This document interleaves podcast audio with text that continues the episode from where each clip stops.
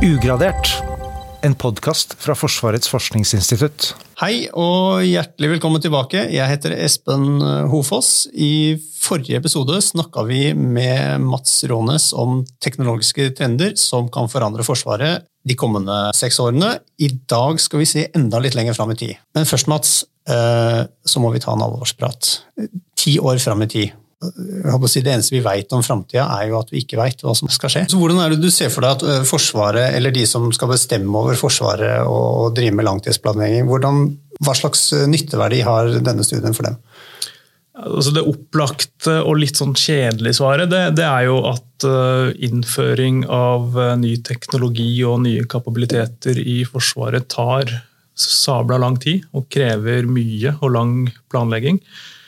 Bare å se hvor lang tid det tok å skaffe nye kampfly, eller hvor eh, lang prosessen med kjøp av ny ubåt har vært, f.eks. Så, så det er liksom veldig lett at uh, teknologien går forbi oss da, og utvikler seg i et tempo som man rett og slett ikke greier å holde følge med. Så Sånn sett så er det jo liksom viktig at vi prøver å se fremover, sånn at man kanskje kan være litt bedre forberedt og kan begynne å satse på de områdene som vi tror blir viktige på lang sikt. En annen grunn da, at man, til at man gjør dette, er at man prøver bedre å forstå det som man kaller for eh, fremtidens operasjonsmiljø. Altså hvordan verden vil se ut for Forsvaret i fremtiden.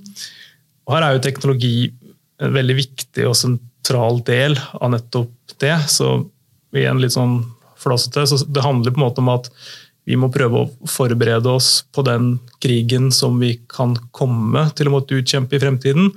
Slik at man liksom kan planlegge ut ifra det, og hvordan vi tror verden skal bli, istedenfor at vi sitter og planlegger ut ifra sånn som verden ser ut i dag. Så da kan det liksom fort være at enkelte deler av det vi har av utstyr, strategier og taktikker ikke lenger er like effektive da, som vi skulle ønske, fordi at teknologien har gitt potensielle motstandere nye muligheter å operere på. Mm. Hvordan har vi truffet på tidligere trendstudier?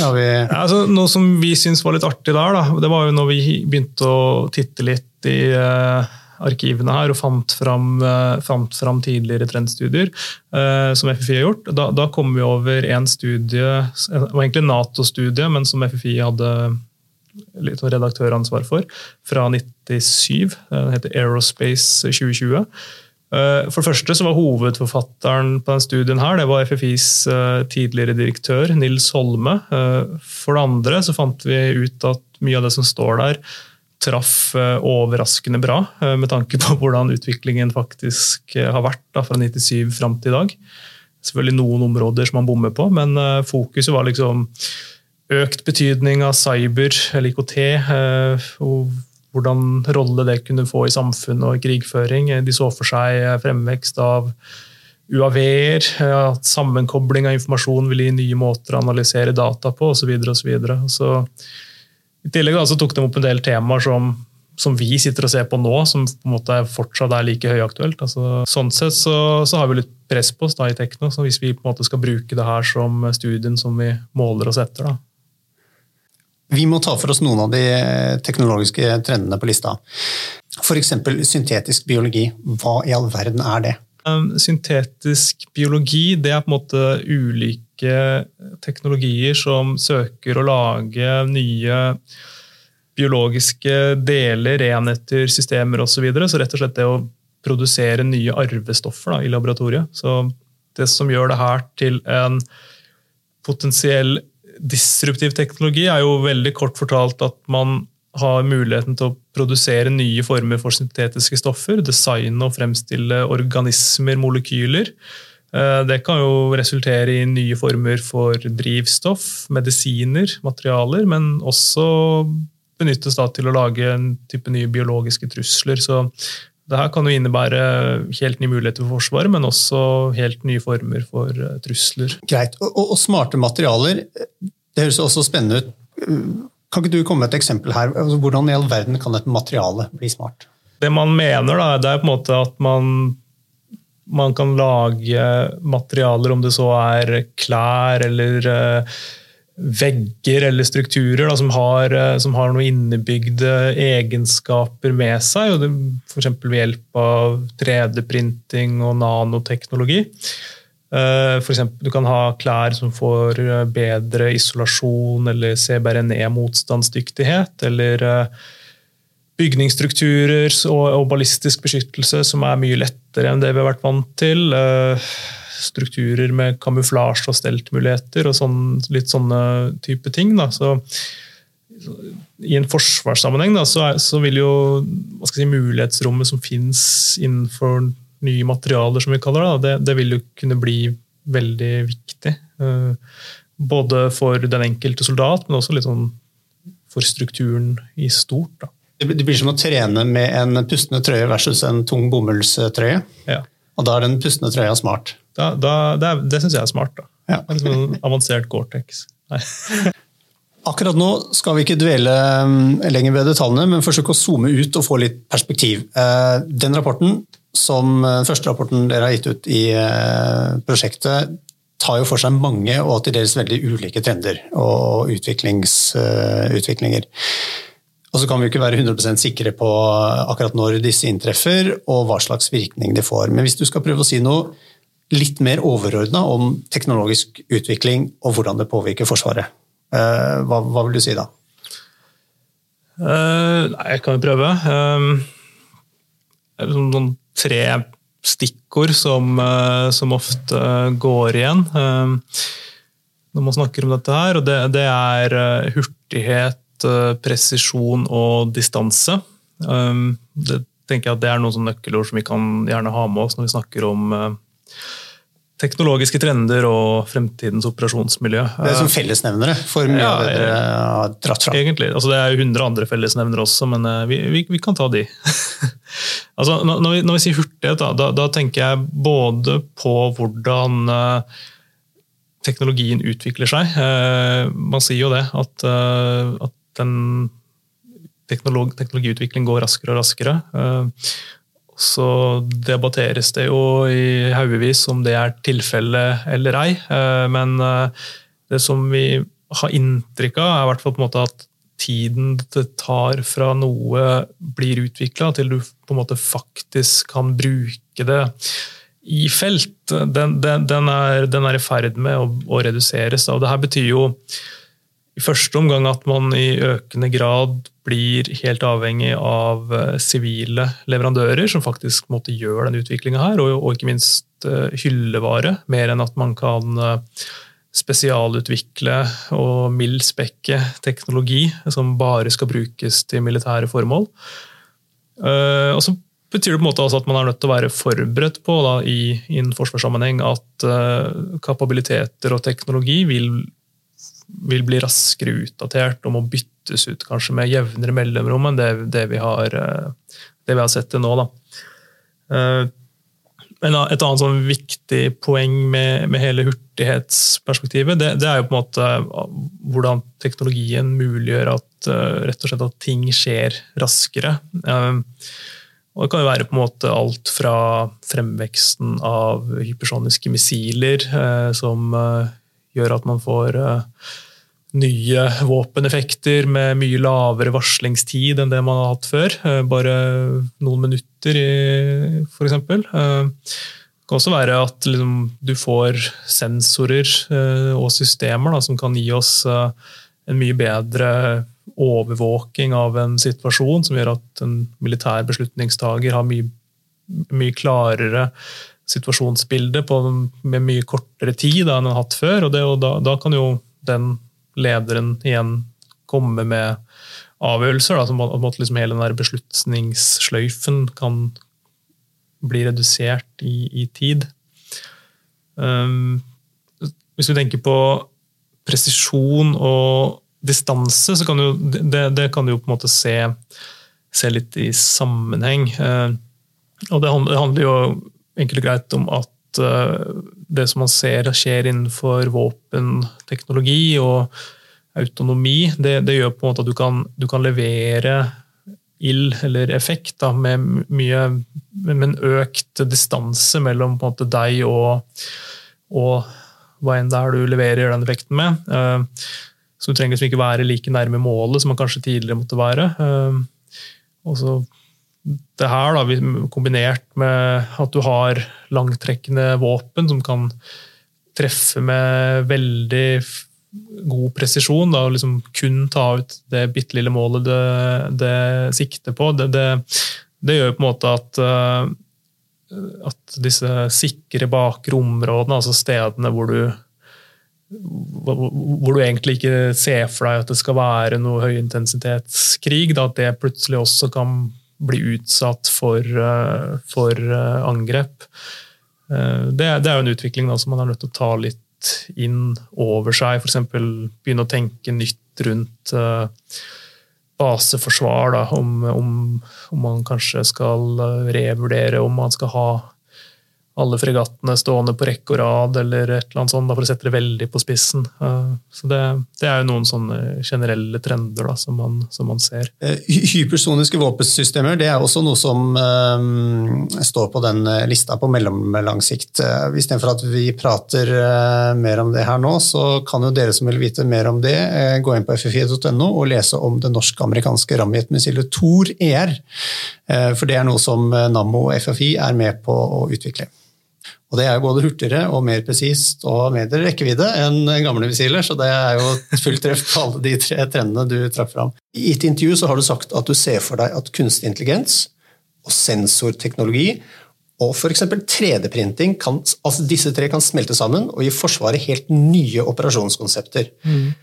Kan ikke du male det bildet for oss? Hvordan kan et sånt konsept se ut? Ja, um, altså akkurat hvordan et sånt operasjonskonsept vil se ut om 20-30 år, det, det, har vi liksom ikke svaret på. Det, men eh, vi og store deler av de som forsker på det her, de er uansett ganske sikre på at konseptene kommer til å være ganske annerledes enn i dag. Og ikke minst at teknologi kommer til å spille en veldig viktig rolle. Eh, akkurat det eksempelet som, som, jeg, som vi har brukt da, når vi nevner sammensmelting eller konvergens, eh, av eh, AI, sensorteknologi og 3D-printing.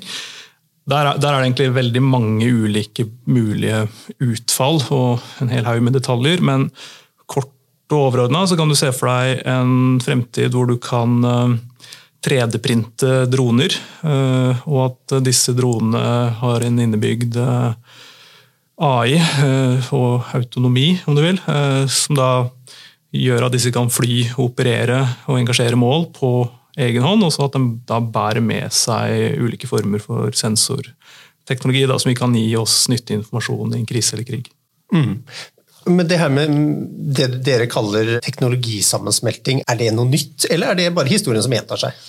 Det er ikke en original idé utvikla av oss, nei det, det, er det ikke. Det her, er jo, det her er noe man har sett titt og ofte. Eh, veldig ofte så begynner man på en måte å utvikle noe til et spesifikt formål, og så etter hvert da, så ser man oi, dette her kan løse denne oppgaven i tillegg, og enda bedre hvis du da kombinerer det med en annen teknologi. Det eksempelet som man bruker titt og ofte nå, det, det er jo smarttelefonen. Som, det her er jo kombinasjonen av en telefon, et kamera, musikkspiller, digital assistent osv. osv. Mm. Og hver for seg så er jo de teknologiene kjempeviktige, men når du liksom greier å kombinere alle sammen i en smarttelefon, da ser man at man, oi, her får man nye disruptive effekter da, som eh, i stor grad har påvirka livene til omtrent alle. Da. Hvordan, hvordan, vi forholder oss til verden rundt oss. og får, får, tilgang på informasjon og bruker teknologi. Så, så, Det er jo et sånt eksempel. Eh, smarttelefonen er kanskje erkeeksempelet. Mm. Uh, og det, det, som er vanskelig her, er jo da å se for seg hva er det neste sammensmeltingen. Har, har dere sett på andre mulige sammensmeltinger? Altså det, det, det, er jo veldig vanskelig. Og, vi har jo mer sånn overordna fokus. Da, å prøve å gå veldig sånn spesifikt ned i teknologiene. Men vi ser jo på en måte at det, det fokuseres veldig mye da, på å prøve å utnytte og oppnå konvergens eh, med AI og egentlig enhver en annen teknologi. Vi skal snakke mer om AI etterpå, men det, her, det er jo et typisk eksempel da, på en teknologi som kan bidra til å gjøre andre teknologier mer effektive. Eh, og det vanligste eksempelet her er jo også det jeg starta med innledningsvis. Det er dette med AI og autonomi. Da. Prøve å bruke AI til å styre fysiske maskiner, om du vil. Da. Type selvkjørte biler og droner og sånne ting. Eh, hvordan kan koblingen mellom autonomi og AI ha en konsekvens for Forsvaret?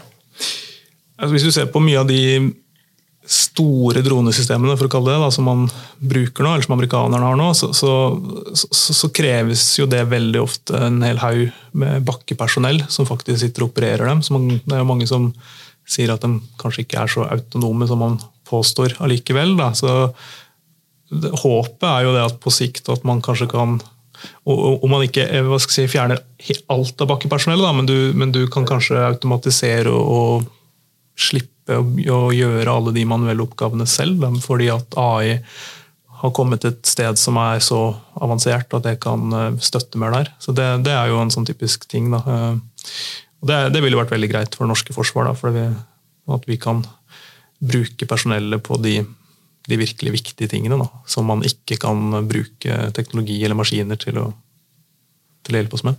Mm. Uh, krigføringsdomener som smelter sammen, det er kanskje enda vanskeligere å se for seg. Uh, 90% av de som hører på den podkasten, vet det kanskje, men for ordens skyld, hva er et krigføringsdomene? Ja, uh, når vi sier krigføringsdomener, så mener vi på en måte krig i luften, på sjøen, på bakken, og i nyere tid også da i cyberspace, eller til og med, til og med verdensrommet. Vi kaller jo dette for ulike domener, om du vil veldig ofte, men ikke alltid så behandles jo disse domenene litt hver for seg. Eh, man har et jagerfly som tar seg av luften, du har en fregatt som herjer på sjøen, en stridsvogn som dominerer på bakken, eh, en satellitt i verdensrommet og en ingeniør i et fjellanlegg som sitter og tar seg av cyberbiten. Eh, det, er en veldig sånn forenkling, da, men det, illustrerer jo litt hva vi mener da, når, vi, når vi kaller det for ulike domener. Mm. Men ok, men hvordan kan det hvordan ser dere for, dere at disse domenene kan smelte sammen eh, i større grad? For De samarbeider jo mer og mer i dag, men ja, hvordan ser dere for dere at det skal smelte sammen i framtida? Her er jo noe man har snakka om i lang tid, og man har jo hatt konsepter for det lenge. Uh, I USA så kalte man det for uh, Air Sea Land en god stund. I Norge for felles fellesoperasjoner eller nettverkbasert krigføring. Eh, så har det kommet nye konsepter på banen de siste par årene. Eh, også amerikanerne har døpt det nå for multi-domain operations. Det var også noe de kaller for mosaic warfare osv. Mm. Så det er mye sånne buzzwords, men altså, poenget er jo stort sett det samme. Man ser at mulighetene som teknologi gir oss i en konflikt, fører til at man lenger ikke var si, man, man, trenger ikke lenger å bare operere i ett domene, og så prøver man derfor å måte, etablere et rammeverk om du vil, som da skal muliggjøre at man greier å utnytte det her, og så operere mer på tvers. Så når vi sier at domenene smelter sammen, så er det egentlig det vi enkelt og greit mener. Da, at man uh, skal kunne gjøre ting i de ulike domenene samtidig, og bruke teknologi i ett domene som kan hjelpe i et annet domene. Da. Ja, og Der er vel de nye kampflyene som vi har kjøpt, F-35, ett eksempel. Der har du mye teknologi som gjør at man, man da kan samarbeide med avdelinger på land eller marinefartøy på en helt annen måte enn man kunne før. Nå mine damer og herrer, kommer vi til det mest etisk betente eh, og kanskje skumleste av alle de teknologiske trendene som dere nevner i rapporten. AI, eller kunstig intelligens. Mm. Eh, for, før de som hører på blir helt science fiction i hodet og ser for seg eh, Terminator-scener osv. Eh, vi må stikke fingeren i jorda. Når dere skriver kunstig intelligens, hva snakker dere egentlig om da? Ja, eh, AI, kunstig intelligens på norsk, det, det, er jo en teknologi som gjør at datamaskiner og systemer kan utføre oppgaver som vanligvis til nå har krevd menneskelig intelligens. F.eks. som kan du se for deg at en maskin selv da, kan sanse, forstå, handle eller lære. Eh, eller AI da, blir på en måte mulig da, ved hjelp av såkalt uh, maskinlæring, dyplæring, avanserte algoritmer og det som kalles for kunstig nevrale nettverk. Så det, det er jo en hel haug med sånn underliggende teknologier her. Da. Ikke sant? Og her, her går jo utviklingen mm. veldig fort, og det kommer stadig nye eh, bruksområder. Men hvordan ser vi for oss at kunstig intelligens kan bli brukt i forsvarssammenheng om 20 år? Fordi dere har jo helt bevisst sagt at dette kommer ikke til å få eh, dette kommer til å slå til full blomst i forsvarssammenheng om, først om 20 år. Hva er det som Ja. gjør at dere mener det? Uh, ja, det, det er som sier, det er bevisst fra vår side at vi sier at det her er en teknologi som vil være disruptiv på lang sikt. For vi, vi har jo i stor grad mye AI-teknologi i dag som allerede er uh, høyaktuell. Vi, vi, I den rapporten som vi har skrevet nå, så valgte vi å kalle det mer for uh, prediksjonsanalyse og stordata. sånn at det liksom er den delen av, av AI-teknologi som vi ser for oss at kommer til å bli mer disruptiv på på kort sikt. Uh, Men når vi sier på lang sikt, da, så da, da, da ser vi på, på en måte for oss at eh, det vil være helt nye områder da, som, som den teknologien her kan brukes til i en militær setting. Skal du Våge deg på et eksempel. jeg, jeg, jeg drar fram autonomi igjen, jeg, fordi, at, fordi den, den er så viktig. Da. Eh, Rett og slett at man kan se for seg at man kan bruke den eh, AI-teknologien til å styre maskiner da, på en helt annen måte. At du kan ha automatisk engasjering av mål da, ved hjelp av AI. sånn at Istedenfor at det må sitte et menneske selv da, og trykke på knappen, så kan man se for seg at den kan gjøre det, gjøre det selv. Eh, Det, det er jo i hvert fall en av de mest eh, etisk betente, men, men, i tillegg til liksom den et- etikkdelen her, da, så, så tror jeg også det er en sånn veldig viktig tillitsdel, eh, som kanskje er innebygd i en del av oss. Altså, har vi, tør vi å gi fra oss det, det ansvaret der da, til, til, en, til en maskin, eh, når vi vet at, eh, at maskinen kan gjøre dette på et nanosekund og ikke kommer til å nøle og ikke kommer til å være sulten eller fryse eller den type ting? Eller er, eller er det liksom noe innebygd i oss da, som gjør at, vi, at vi vegrer oss litt fra den? Eh, Det tror jeg også blir en veldig sånn, viktig debatt fremover. Da. Og ikke minst så tror jeg også at vi på enkelte områder så, så, så, så har vi kanskje ikke råd til å ikke ta det i bruk, da, fordi at man kan se for seg at uh, i en eventuell konflikt med, så vil motstanderne våre bruke, bruke dette. her. Da, og da, da vil vi på en måte stå opp mot en motstander som vi ved hjelp av bare human in the loop ikke greier å overvinne. Da. Så, Nei, så da må man bruke rett og slett autonomi til å forsvare seg, fordi en For eksempel. part også bruker autonomi. Ja, det, det, det, er jo, det er jo noe, en tenkt eh, utvikling, ja. Og, og heldigvis er det jo, kan jo den teknologien brukes i forsvarssammenheng eh, også til noe annet enn å fyre av våpner. Der har vi jo dette antiminesystemet som vi faktisk er i gang med å utvikle. Eh, og det er veldig spennende hvor du sender ut en eh, autonom ubåt, og jo smartere den er, jo bedre blir jo den i stand til å se hva som finnes på bunnen, og så kan den gi beskjed om at her er det miner. Mm. og dette er jo veldig forsøksstadiet i dag, men jeg tenker at om 20 år så vil jo maskinene bli eh, mye flinkere til å finne det som er eh, farlig på bunnen. Ja, og det, det er jo hele tida dette med hvor, hvor, hvor- dypt inn må et menneske være involvert da, i sånne prosesser. Det er jo Uavhengig om det er til defensive eller offensive midler, da, for å si det sånn. Ja, det er i hvert fall smartere å sende en maskin til å finne miner enn å sende en mennesker. Jeg, det kan vi jeg, være jeg om. tro det. Mm. Men ok, apropos science fiction og filmer. Har du sett Iron Man? Det har jeg. Nemlig. Der, der har vi en superhelt som, som egentlig ikke er spesielt super. Han er bare utrolig smart og rik og har laget en drakt som gjør han super.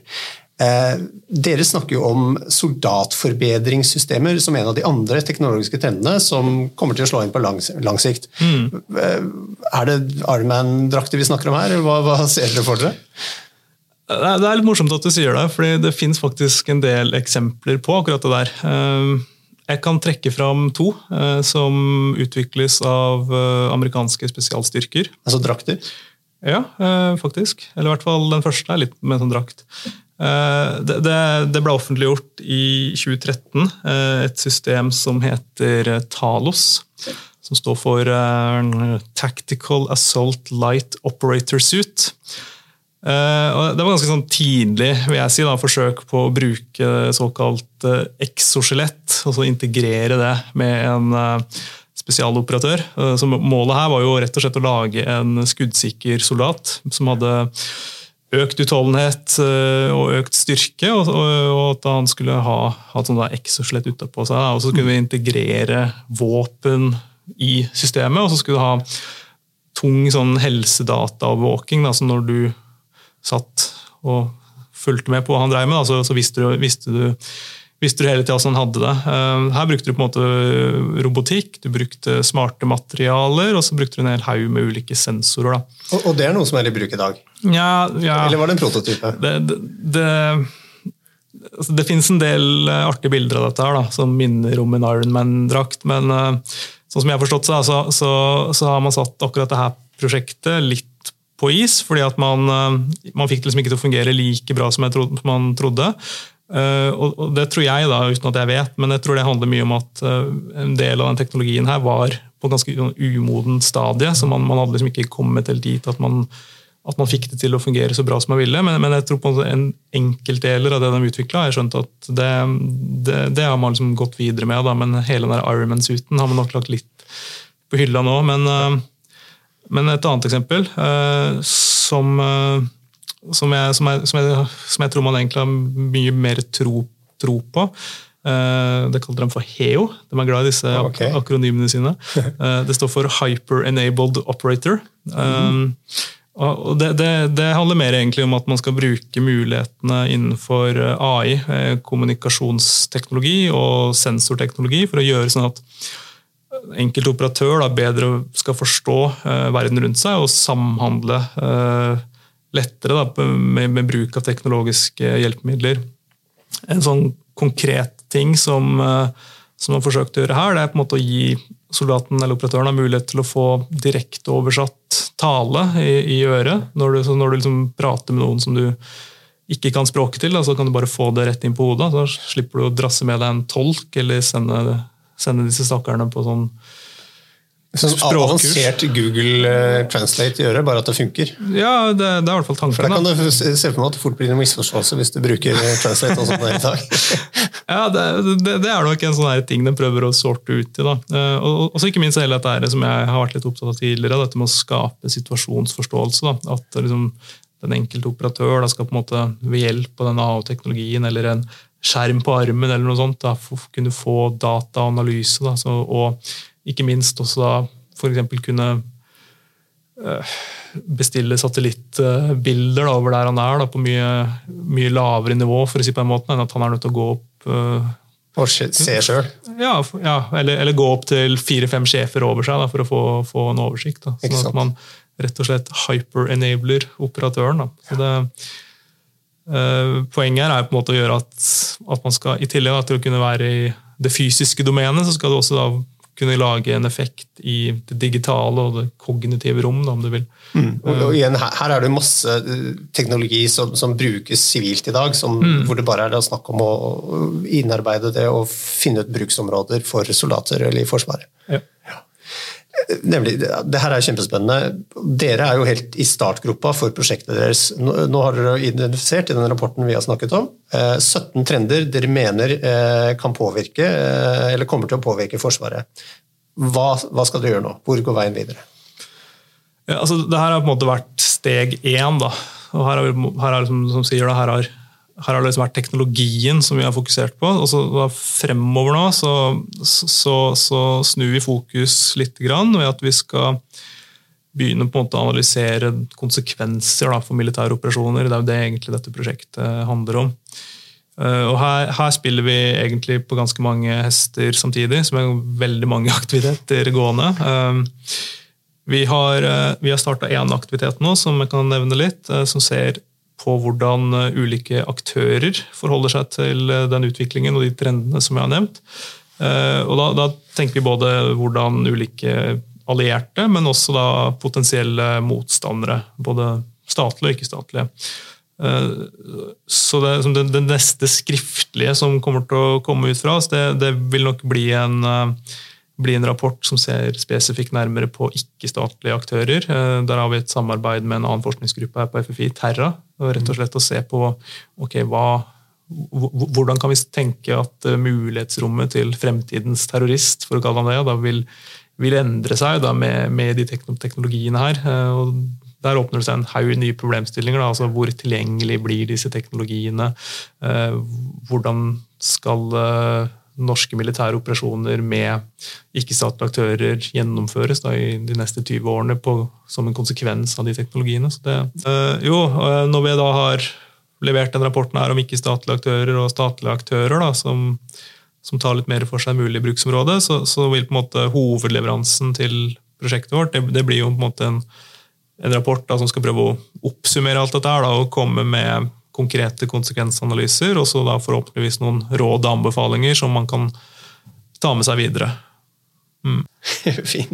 Med de ordene så runder vi av. Hvis du som uh, lytter har lyst til å høre mer om forskningen ved FFI, så kan du abonnere på vår podkast ved å søke opp FFI i SoundCloud, eller søke opp ugradert der.